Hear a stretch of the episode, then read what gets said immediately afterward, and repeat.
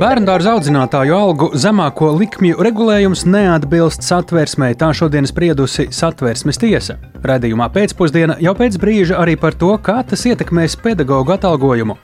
Latvijas austrumu robežu mūsu kaimiņi lietuvieši un poļi uzskata par vājāko posmu drošības ziņā. Ar situāciju uz vietas Latgalē šodien devušies iepazīties iekšlietu un finanšu ministri. Radījumā vaicāsim viņu komentāru par secināto un ieteikumiem. Bet Ziemeļamerikā sākusies Nacionālās hokeja līgas ikgadējā jauno spēlētāju izvēles ceremonija jeb drafts. Arī par to visu plašāk raidījumā pēcpusdienā Kopā ar mani Tāli Eipuru.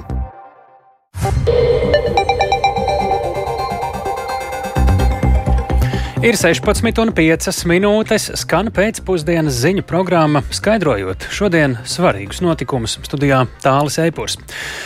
Bērnu dārza pedagoģu zemākās algas likme ir atzīta par neatbilstošu satversmei. Pat labāk valdības noteikumi bērnu dārza pedagogiem nosaka mazāku atalgojumu par vienu darba stundu salīdzinot ar pārējo izglītības pakāpju skolotājiem.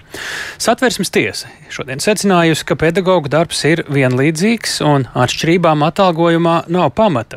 Līdz ar to valdības regulējums atzīts par netaisnīgu un zaudēs spēku no nākamā gada 1. janvāra. Izglītības darbinieku arotbiedrība sagaida, ka turpmāk tiks paredzēts atbilstošs finansējums valsts un arī pašvaldību budžetos, lai šīs likmes izlīdzinātu. Satversmes tiesas lēmtajam šodien ir sekojusi kolēģi Sintīna Ambote, un šobrīd viņa pievienojas mums tiešraidē. Sveiki, Sintī! Kā vispār radās šāda nevienlīdzīga atšķirība atalgojumā un kāda tad ir iesaistīto pušu pirmā reakcija uz tiesas lemto? Satversmes tiesā pēc izglītības darbinieku arotbiedrības rosinājuma bija vērsušies 38 saimnes deputāti, aicinot vērtēt, vai esošais regulējums ir taisnīgs attiecībā uz bērndārzu pedagoģu attāgojumu, kas rēķinot uz vienu darba stundu ir par piekdaļu mazāks nekā citās izglītības iestādēs strādājošiem pedagogiem. Tiesai sākot skatīt šo lietu, runa bija par 2016. gada ministru kabineta noteikumiem par pedagoģu darba samaksu.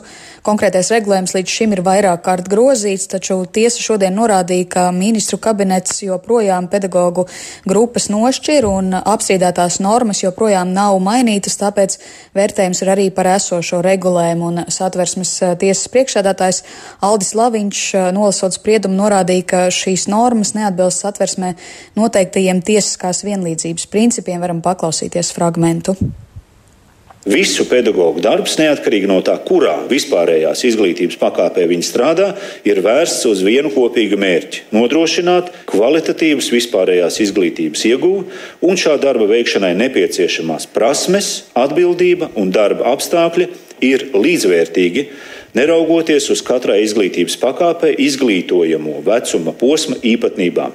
Konkrētajā gadījumā nav saskatāms nekāds leģitīms mērķis, kura dēļ ar apstrīdētajām normām pret pirmskolas izglītības pedagogiem noteikta atšķirīga attieksme, paredzot atšķirīgu zemāko mēneša darba algas likmi. Nu jā, pēc uh, sprieduma nolasīšanas sazinājos arī ar Latvijas izglītības un zinātnes arotbiedri, darbinieku arotbiedrību un uh, arotbiedrības vadītāja Inga Vanaga norāda, ka atšķirīgais atalgojums par vienu darbu ir ilgstoši diskriminējis pirmskolas pedagogus un, uh, un arotbiedrība ir gandarīta par šo spriedumu. Varam paklausīties. Tas tiešām ir bijis 11 gadu garumā, līdz dienas kārtībā manā vadībā 8 gadu garumā, un beidzot ir atzīts, ka pirmskolas pedagogi ir tieši tādi paši pedagogi kā viņu kolēģi, un mēs sagaidām, ka valdība izpildīs satversmes tiesas spriedumu tādā apmērā un laikā, kā ir lemts, un no 24. gada 1. janvāra ir pilnībā jānovērš šī nevienlīdzība un jāparedz atbilstoši finansējums valsts budžetā, kā arī pašvaldībām ir jāparedz atbilstoši finansējums. Nu jā, un izglītības un zinātnes eh, ministrijas esošais eh, grafiks paredz, ka pakāpeniski palielinot zemāko vienas stundas eh, likmi 2025. gadā pirmskolas pedagoģa zemākā alga tiktu izlīdzināta ar pārējo pedagoģa atalgojumu. Ehm, šāda pakāpeniska sistēma veidot, jo pedagoģa algas nodrošina ne tikai no valsts budžeta, bet arī no pašvaldību budžeta. Tomēr satversmes tiesa atzina, ka šādi argumenti nav pietiekami, lai pamatotu atšķirīgo attieksmi pret personu grupām grupām, kas ir tātad vienādas, vienādos un pēc eh, noteiktiem kritērijiem salīdzināmos apstākļos. Savukārt jau eh, tālāko izglītības ministrijas rīcības plānu komentē izglītības departamenta vadītāja Edīte Kanaviņa. Mēs veiksim aprēķinus, kāds ir nepieciešams papildus finansējums, lai šo satversmes tiesas lēmumu izpildītu. Noteikti, ka augusta sākumā, jā, mēs jau būsim sagatavojuši arī aprēķinus un noteikti augusts, augusta beigas virzīsim grozījumus uz ministru kabinetu. Pat labāk pirmskolas izglītības pedagogiem zemākā samaksa par uh, darba algas likmi sasniedz 1070 eiro, un uh, vienas stundas darba samaksa tagad šiem pedagogiem ir 6,69 eiro, bet uh, pedagogiem pārējās pakāpēs joprojām ir vairāk - 7,50 eiro stundā, bet nu, no nākamā gada tātad šai likmei jābūt vienlīdzīgai tāli. Jā, paldies, Sintīte. Tik tālu tātad par to, kas atvērsmes tiesa nolēmusi, ka bērnu dārza pedagoģu zemākās algas likme ir neatbilstošas atvērsmei, un tad, nu, šis būs viens no jautājumiem, kas būs jārisina gan ministrijai, gan valdības koalīcijai. Bet jau ilgāku laiku tiek runāts par saspīlējumu citā Rīgas domas valdošajā koalīcijā, situāciju līdz savstarpējiem apvainojumiem novedusi Rīgas vicemēra no jaunās vienotības Viļņa Čirša vēlme izveidot plašāku komisiju iespējamu finanšu pārkāpumu izmeklēšanai satiksmes departamentā.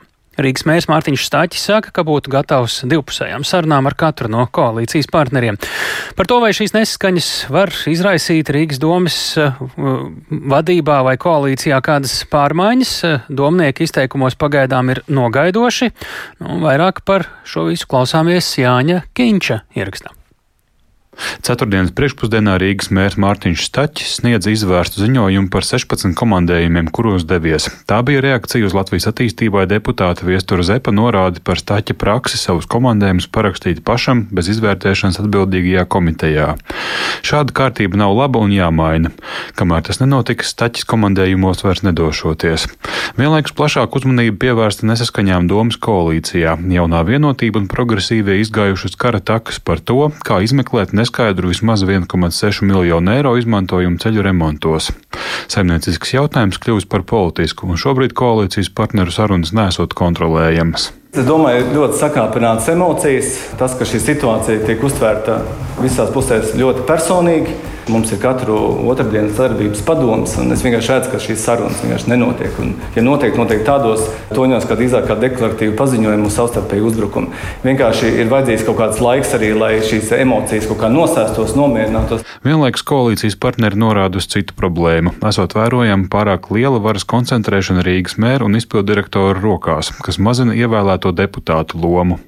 Vienam no Rīgas vicemēriem Edvardam Ratniekam no Nacionālās apvienības radies iespējas, ka par un progresīvo frakcijai, ar ko sadarbojas arī Mārtiņš Staķis, domē ir vairākums, taču tā nav. Vienpersoniskie lēmumi un nu, tāda ļoti ierobežota rēķināšanās ar koalīcijas partneriem nu, tas nekad nepie kā laba nenoved. Mērs un trīs vicemēri un kaut kā neizlīdzinās. Jā, nu, politiskā loģika liek domāt, ka tā tam vajadzētu būt, un šis līdzsvars nav jūtams. Rīgas vicemērs Vilnis Čirsis no jaunās vienotības rosinājis plašāku izmeklēšanas komisiju, piesaistot Rīgas domas centrālās administrācijas pārstāvjus un novērotājus no ministrijām, sabiedrības par atklātību Dauna un Latvijas būvinženieru savienības.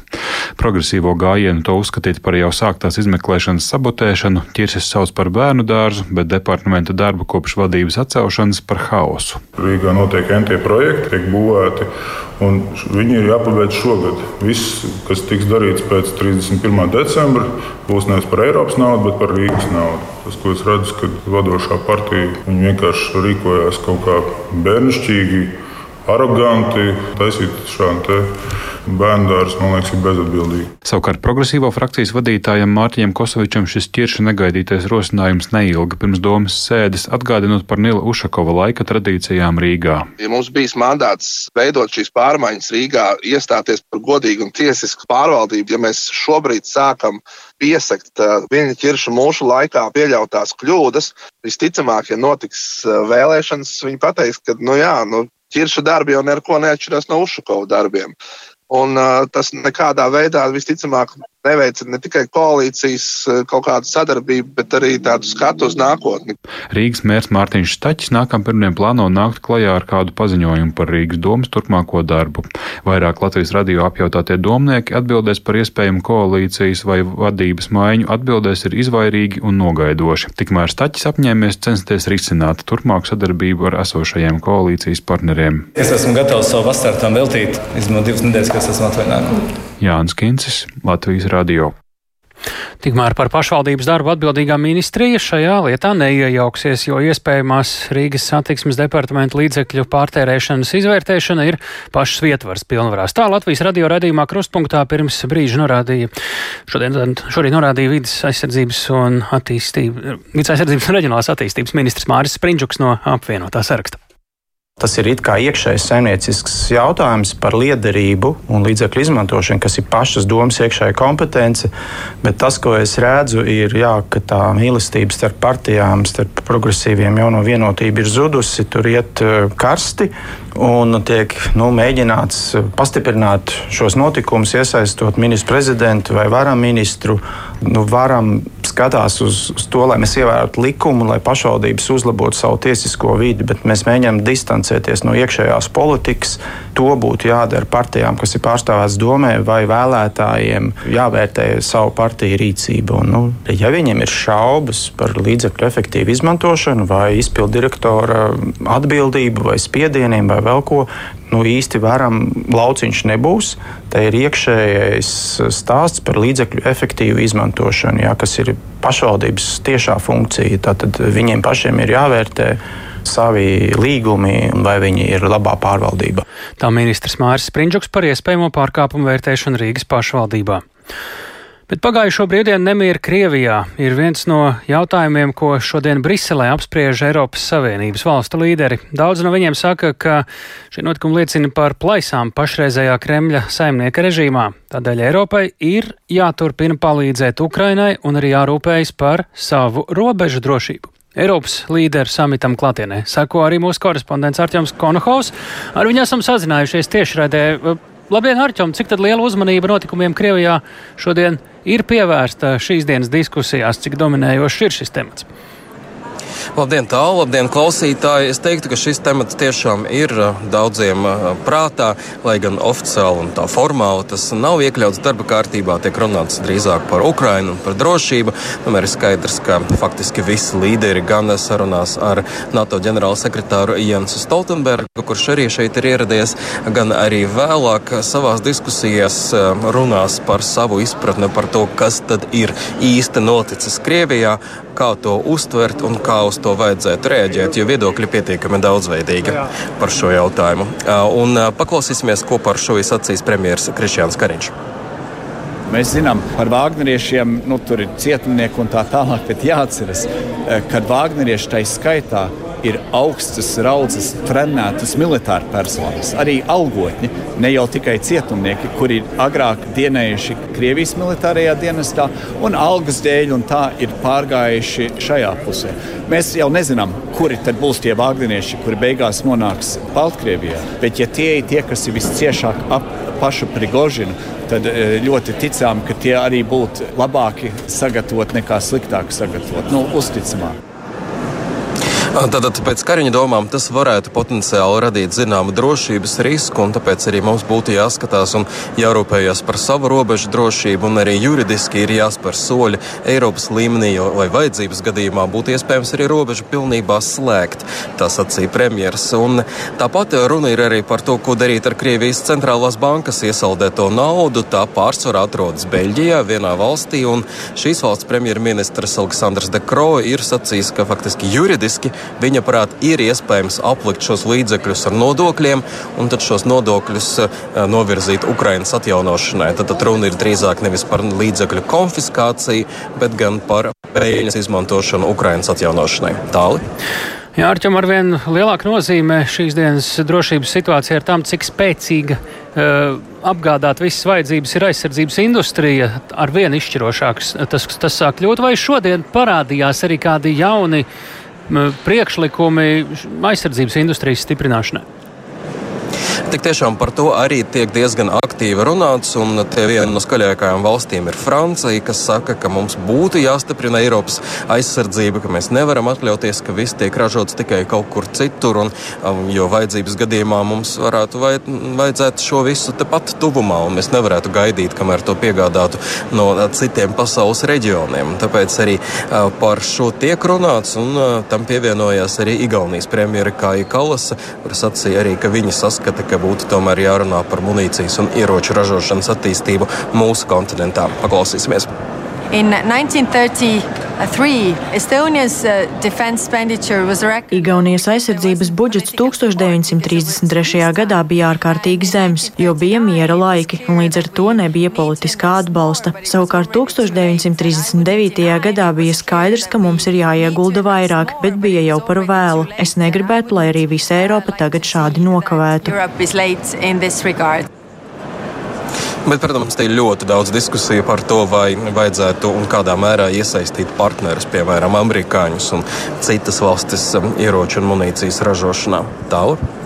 Jā, tā tad uh, premjerministrs Kariņš arī uzsvēra robežu aizsardzību, bet arī citu valstu līderi uh, par to runā, jo darba kārtībā ir ne tikai uh, kādu militāristu pārvietošanās, bet arī migrācija. Tā skaitā ne tikai no, piemēram, Baltkrievijas uz Lietuvu, Poliju, Latviju, bet arī citur. Kādi viedokļi par šo tēmatu izskan?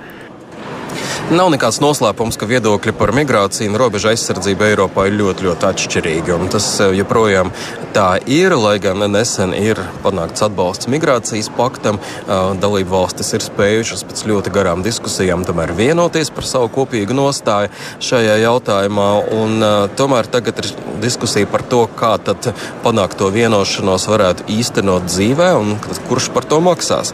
Daudz sarunu ir pieņemsim par tādu valsti kā Tunisija. Turcija, ar kuru tiek mēģināts noslēgt arī vienošanos migrācijas un arī ekonomiskās sadarbības jomā, jo ir skaidrs, ka Ziemeļāfrikā faktiski nebūs valstis, kas būs gatavas sadarboties ar Eiropu tikai migrācijas un migrantu atpakaļ uzņemšanas jomā vai kaut kādu pārbaužu jomā. Viņi gribēs arī kaut kādus ekonomiskos labumus sev un kaut kādu motivāciju šāda veida. Tādēļ arī eh, tas, ko savā uzrunā ir sacījusi Itālijas valdības vadītāja Džordžija Meloni, ir, ka ir ārkārtīgi svarīgi runāt par jauniem ekonomiskās sadarbības veidiem ar tādām valstīm kā Tunisija, bet ne tikai. Paklausīsimies! Eiropā ir problēma ar enerģijas piegāžu avotiem. Āfrika varētu kļūt par lielisku enerģijas ražotāju. Mēs varētu salikt mūsu centienus kopā, palīdzēt viņiem ar investīcijām, lai viņi varētu ražot enerģiju sev un arī palīdzēt mums. Šādi mēs kļūtu sasaistīti viens ar otru. Tas ir strateģiskais projekts, pie kura Itālija pašlaik strādā. Tad, nu, kā redzam, ļoti dažādi viedokļi no tā, ka ir jārunā par Baltkrieviju un par robežu slēgšanu labāku robežu apsardzību līdz ekonomiskai sadarbībai vidusjūras reģionā, lai mazinātu un, tiksim, migrācijas plūsmas un cilvēku skaitu, kas mirst vidusjūrā katru gadu. Paldies, Tārķams Konohovs tiešraidē no Briseles, eh, runājot par svarīgiem drošības jautājumiem, ko šobrīd tur veic Eiropas Savienības valstu līderi. Bet eh, turpinot par robežu, Polija sagaida, ka Eiropas Savienība tai palīdzēs finansēt tās austrumu robežu stiprināšanu. Tā šodien pavēstīs Polijas ārlietu ministra vietnieks Pāvils Jablonskis, bet vēl vakar Varšau paziņoja par robežas pastiprināšanu drošības ziņā, runājot tieši par Wagner grupējumu klātbūtni Baltkrievijā. Pēc polijas rīcībā esošiem datiem varot pieņemt, ka Baltkrievijā ieradīsies aptuveni 8000 Wagneriešu.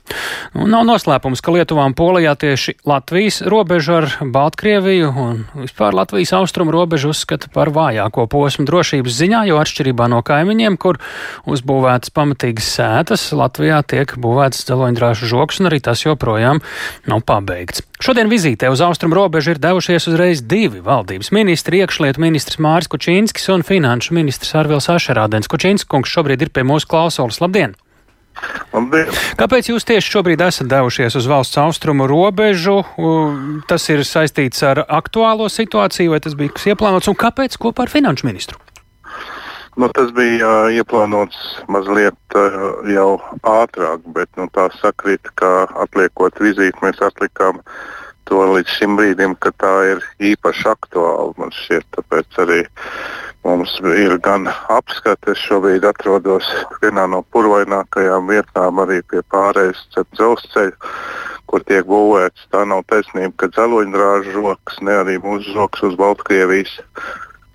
Latvijas robežas, kur 85 km iet uz beigām, ir diezgan pamatīgs un vajadzīgs tikai vēl aprīkot ar video novērošanas kamerām, kur projekts sāks. Bet, protams, ka galvenā šodienas saruna tēma bija, kā to visu pātrināt, kā pastiprināt gan robežu aizsardzību, gan, protams, pātrināt visus izbūves darbus, kur mēs tā nu, tā īsti nepiedodam trīs gadu pauzi.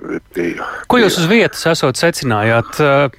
Kas ir tas uz vietas būšanas efekts? Kas šobrīd joprojām ir tās galvenās problēma lietas no uz vietas esošu skatienu?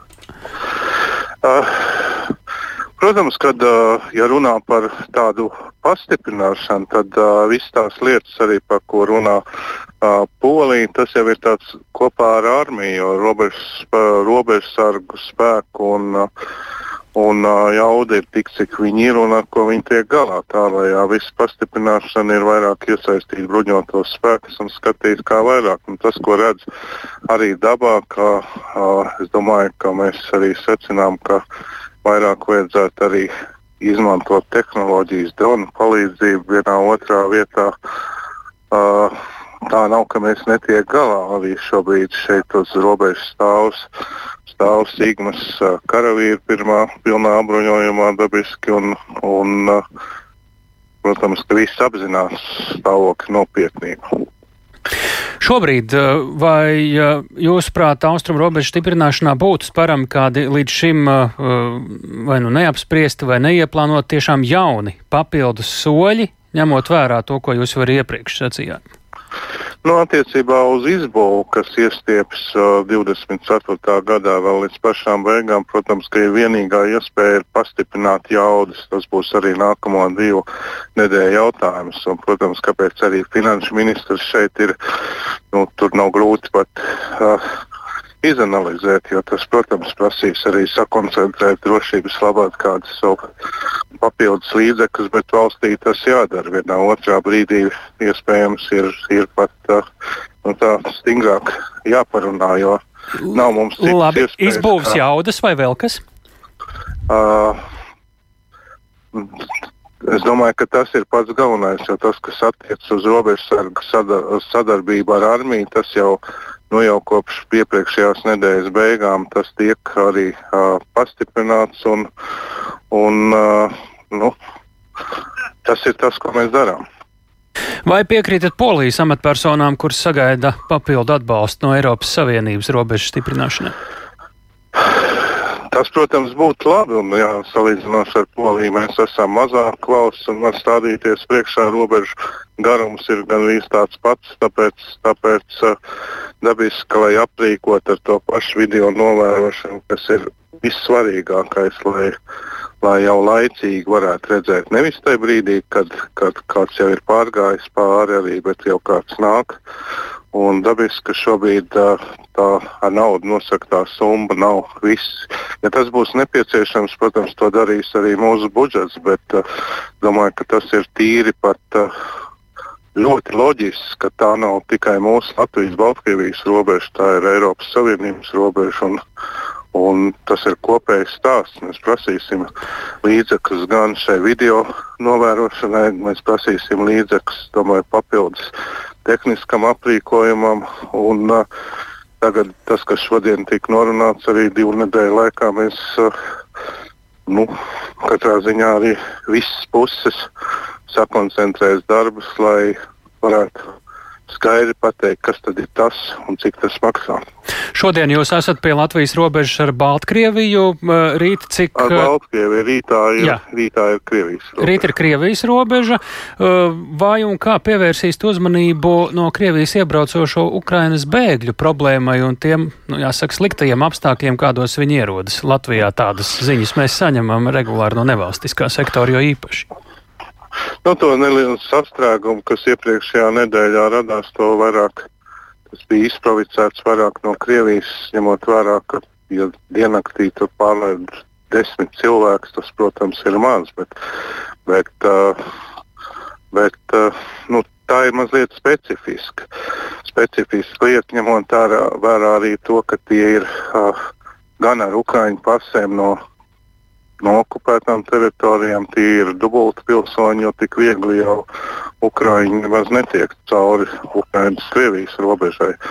Un, katrā ziņā šobrīd robežsargi arī izanalizēs tīri, kas ir cilvēki, kas iet, kā, kas tās kas notiek ar plūsmu attiecībā uz palīdzību. Tur ļoti iesaistījās Ludus pašvaldība. Es viņiem pateicīgs par to, ka kaut kādā ziņā arī nodrošināja gan autobusus pa visiem, lai, lai, lai tādu sastrēgumu. Nu, tie tādi Vai kādi papildus soļi varētu tikt spērti vai nē, jo mēs jau nezinām, kā kardarbība attīstīsies uz priekšu. Nu, Jā, tur var būt jauni Krievijas, pieplūdumi. Krievijas robeža ir, ir tas, kam arī no šī brīža ir jāpievērš lielāko uzmanību, kas vispār tā tur gan ir.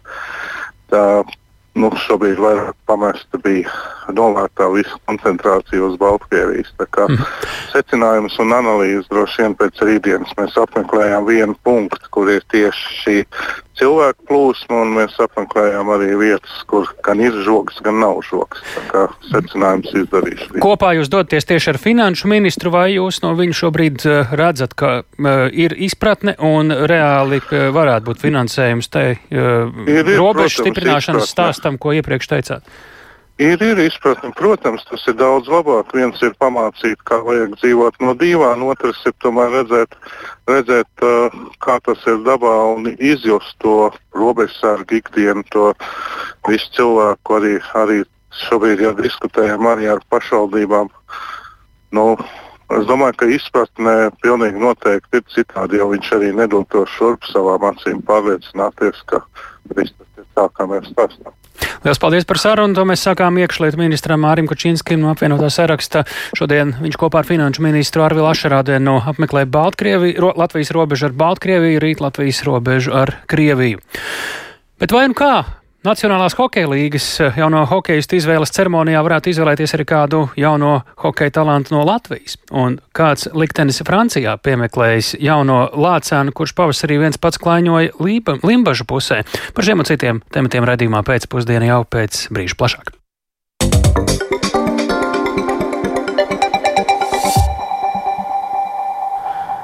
Bet, eh, jāsaka, tā nepatīkama robeža šķirtnī, iepriekš runājām par robežām, ir sasniedzis kāds stāsts jūrmalā. Daudzu mazo jūrmalnieku sapnis par hokeju nu ir beidzies. Pašvaldība pēc ilgām diskusijām šodien nolēmusi slēgt Jūrmālas sporta skolas hokeja programmu.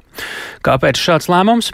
Kā to vērtē iesaistītie un kā doma plāno kompensēt zaudējumu mazajiem hokeistiem? Par to Agnijas Lazdiņas reportāža. Jūrmāla! Jūrmalas sporta skolas īstenotās profesionālās ievirzes hokeja programmu slēgs no 31. augusta. Kā skaidro Jūrmalas domē, lēmums pieņemts, jo pilsētai nav piemērotas infrastruktūras, ledus halles, lai nodrošinātu pilnvērtīgu treniņu procesu. Līdz ar to programmas apguvei sporta skolā esot visaugstākās izmaksas. Ledus laukumu noma skolai izmaksājot aptuveni 106 tūkstošus eiro gadā. Savukārt žāvētos noma nedaudz vairāk kā 3000 eiro. Savukārt sporta skolas aprēķina liecina, ka hokeja apmācība vienam bērnam pašvaldībai izmaksā 183,90 eiro mēnesī. Jauno hokeistu vecāki pašvaldībai piedāvāja no saviem līdzekļiem sekt vairāk nekā pusi no summas - 100 eiro mēnesī, taču ierosinājums nesot uzklausīts. Tāpēc agrā rītā pirms domas lēmuma vecāki pulcējās piketā, un kamēr mazie hokeisti pie domas ēkas spēlēja hokeju, viņu ģimenes stāvēja netālu ar plakātiem rokās, lai cīnītos par savu bērnu iespēju turpināt jūras jūrmalā spēlēt hokeju. Jūrmālas doma ir eh, mūsuprāt aizmugurēs pieņēmis lēmumu slēgt hokeja novirzienu jūrmalā. Uzskatām, ka uh, mēs varam rast risinājumu šai situācijai, nākot kopā uz dialogu. Tas ir ārkārtīgi skumji, ka bērniem nebūs iespēja nodarboties ar sportu pietiekošā veidā vai pietiekošu atbalstu no jūrmālas domas. Pēc, ka viņi ir pieņēmuši lēmumu, viņi to lēmumu nekad negrozīs. Šis viss ir bezjēdzīgi īstenībā. Pret hokeja programmas slēgšanu ir arī jūrmālas domas opozīcijas deputāts Jānis Asars no Nacionālās apvienības. Nu, manuprāt, tagad, kad Latvijas hokejas pašā augstākajā punktā pēc mūsu vēsturiskākā panākuma, ļoti daudz, es domāju, ka arī jaunie cenši un tieši šobrīd, kā to sporta veidu, ko viņi izvēlās, tas eh, visticamāk ir hokeja hokejs. Tas tā sanāk, tā bērniem sapņus aplaust, ka viņiem ir iespēja tuvu jūrmalai trenēties, izaugt ar jauniem hokejistiem, bet nu, jūrmala acīm redzot to negrib un vēlas, lai šie bērni trenējās citās tuvējās pašvaldībās. Šobrīd sporta skolas hokeja nodaļā šajā mācību gadā izglītību iegūst 58 audzēkņi, no kuriem 35 ir deklarēti jūrmalā. Lai audzēkņus atbalstītu, doma lēmusi piešķirt līdzfinansējumu, skaidro jūrmalas domas priekšsēdētāja Rīta Sproģa no Zaļo un Zemnieku savienības un Latvijas zaļās partijas. Mēs kā pilsētas doma no savas puses piešķirsim 500 eiro tie desmit mēnešu norisē treniņu eh, procesam katram audzēknim, kurš šobrīd ir uzsācis pie mums. Jūrmalā tie ir 35 audzēkņi, kas ir deklarēti Jūrmalā. Pati personīgi vakar arī apzvanīju Hokeja federāciju. Viņi norādīja telefonu sarunā, ka jūnijas un jūlijas ir tie mēneši, kad sportisti var pāriet no klubu uz klubu vai no biedrības. Šī gadījumā jums nav klubs. Viņu nosacījumos mēs esam kā biedri. Mēs arī saprotam, ka mēs katram no šiem audzēkņiem pēc vecuma grupas tur ir atšķirīgas izmaksas. Tās mēs arī seksim. Līdzfinansējumu hokeistiem atbalsta arī Jūrmalas sporta skolas direktors Sandis Bērziņš, uzsverot, ka arī otrs vecāku ierosinājums izmantot inbox ledus halli nederot, jo tā atrodas piņķos, kas ir citā pašvaldībā. Viena lieta ir jāsaprot, ka uh, tas pamat iemesls, kāpēc šī programma slēdzās, ir tas, ka Jūrmalai nav savas sporta halles un nav savas sporta bāzes, un um, līdzfinansējums šo jautājumu nespēja atrisināt. Vecāku cerības gan vēl nesot zudušas, tāpēc viņi neizslēdz iespēju domas lēmumu apstrīdēt tiesā. Agnija Lazdiņa, Latvijas radio. Lielākais katra mazā hokeja sapnis bieži vien ir spēlēšana ne tikai nacionālajā izlasē, bet arī Nacionālajā hokeja līgā Ziemeļamerikā. Un tieši šīs pāris dienas daudziem jauniem hokeistiem un viņu ģimenēm ir ļoti īpašs. Notiek Nacionālās hokeja līgas igadējā jauno spēlētāju izvēle tās ceremonija, jeb drafts.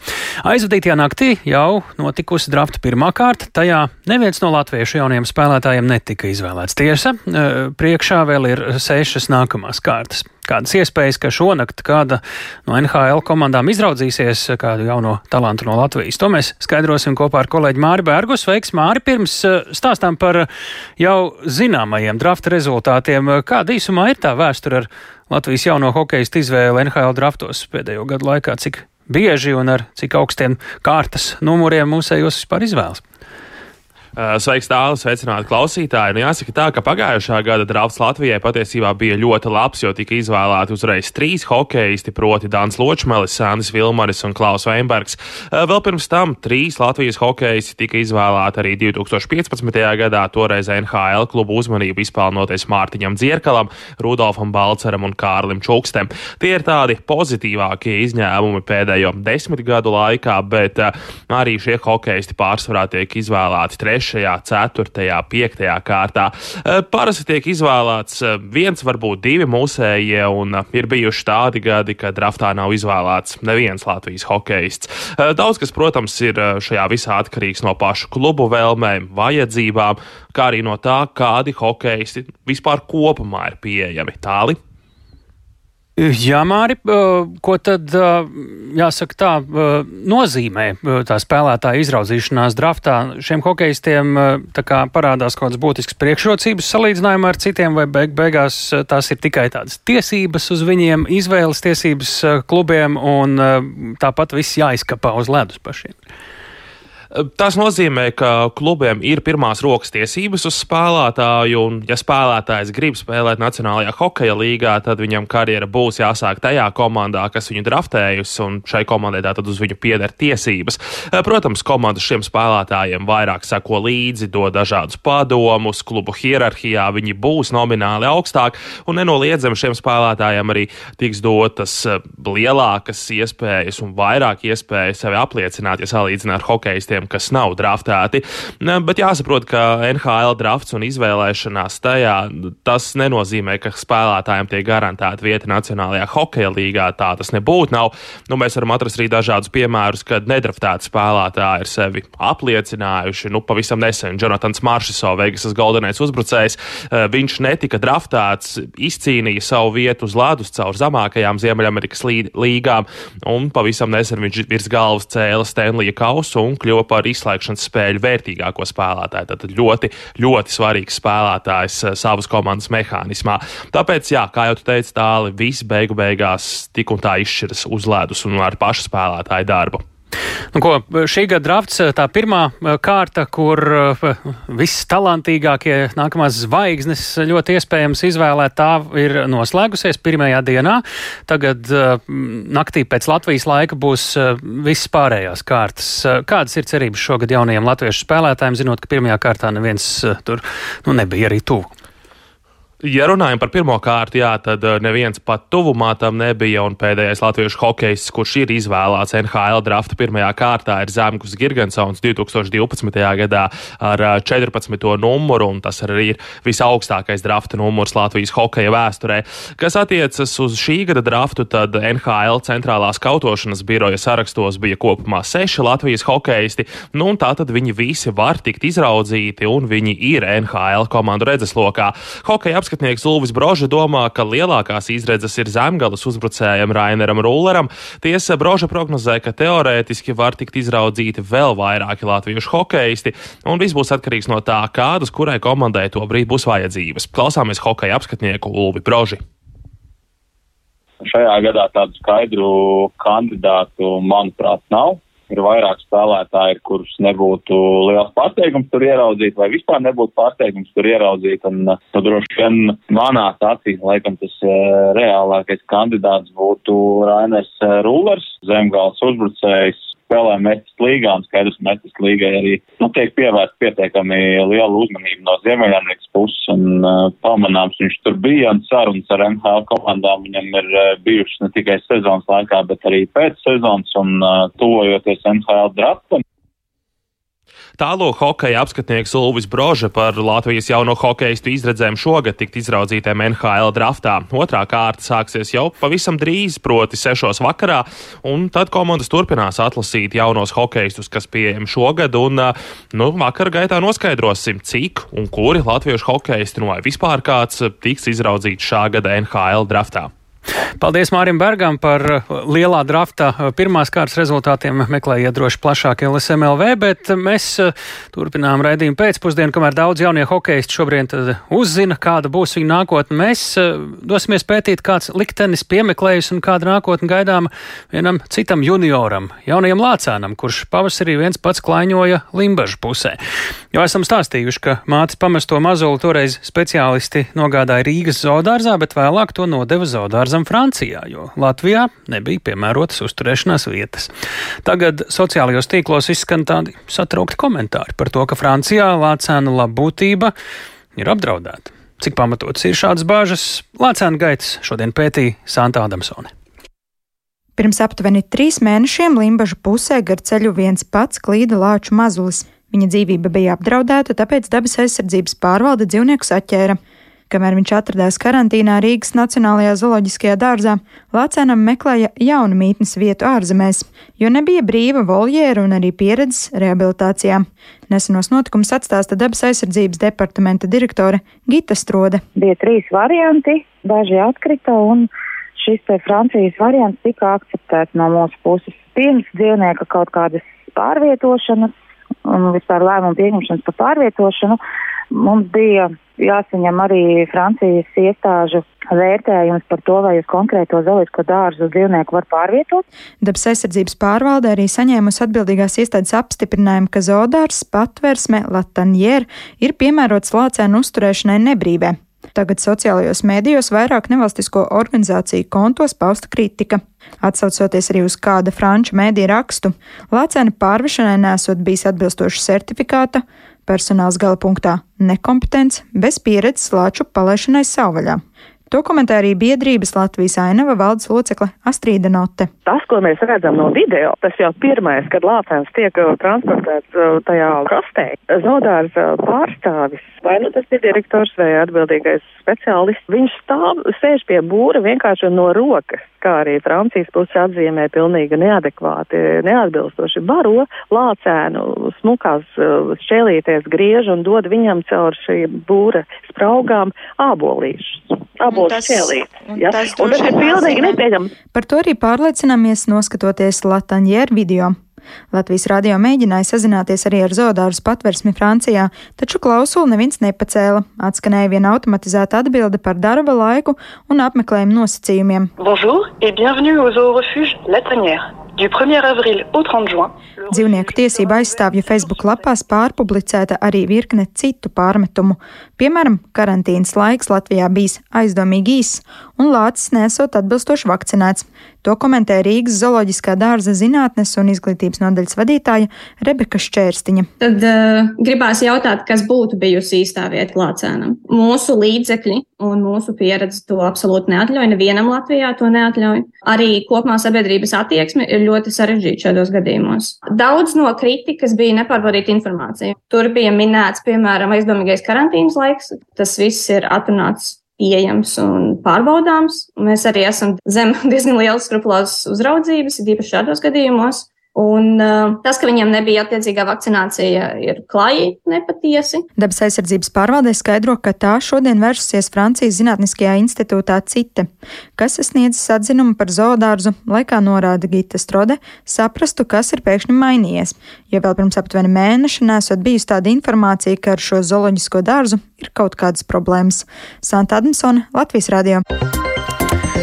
Šis bija ziņu rādījums pēcpusdienā. To veidoja Tāls Eipurs, Ilze Aginta, arī Renārs Šteimans un Mārtiņš Paeglis, un šo raidījumu varat klausīties arī Latvijas radio mobilajā lietotnē sevērtā laikā meklējot dienas ziņas. Mēs tiekamies rīt pēc 16.05.